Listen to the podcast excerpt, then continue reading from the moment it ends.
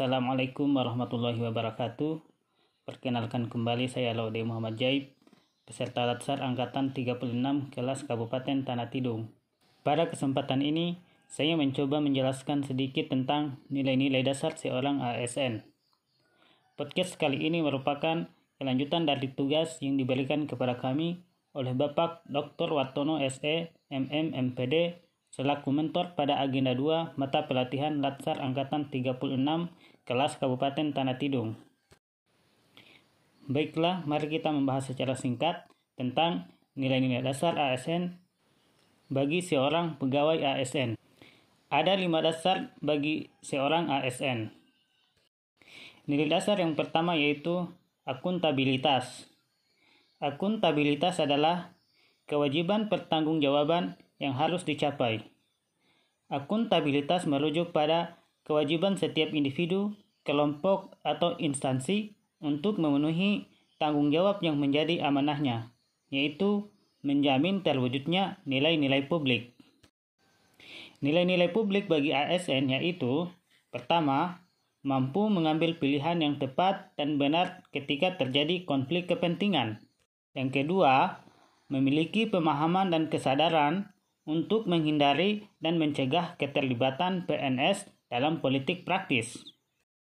Yang ketiga, memperlakukan warga secara sama dan adil dalam penyelenggaraan pemerintahan dan pelayanan publik. Serta yang keempat yaitu menunjukkan sikap dan perilaku yang konsisten dan dapat diandalkan sebagai penyelenggara pemerintahan. Nilai dasar yang kedua adalah nasionalisme. Nasionalisme Pancasila adalah pandangan atau paham kencit. Nasionalisme Pancasila adalah pandangan atau paham kecintaan manusia Indonesia terhadap bangsa dan tanah airnya yang didasarkan pada nilai-nilai Pancasila. Nasionalisme Indonesia bukanlah nasionalisme chauvinisme. Contoh penerapan nasionalisme seorang ASN adalah dalam konteks perilaku ASN kita dapat melihat wujud nyata ini melalui perilaku ASN yang humanis, tenggang rasa, memiliki persamaan derajat, saling menghormati, dan, dan tidak diskriminatif. Nilai dasar yang ketiga adalah etika publik.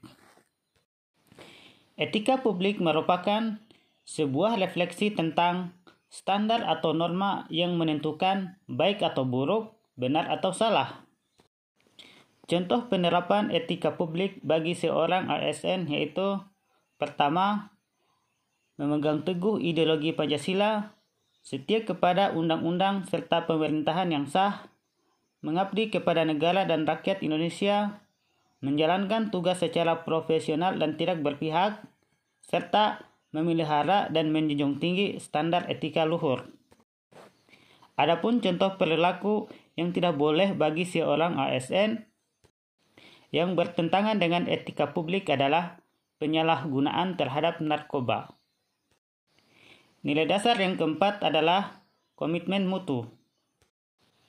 Mutu merupakan salah satu standar yang menjadi dasar untuk mengukur capaian hasil kerja.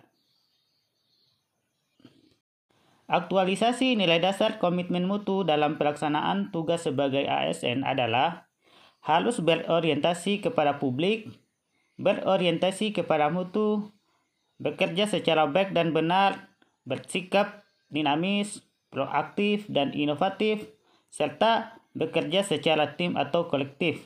Semua orientasi tersebut merupakan sebagai satu kesatuan proses untuk melayani masyarakat. Nilai dasar yang kelima adalah anti korupsi. Korupsi sering dikatakan sebagai kejahatan luar biasa.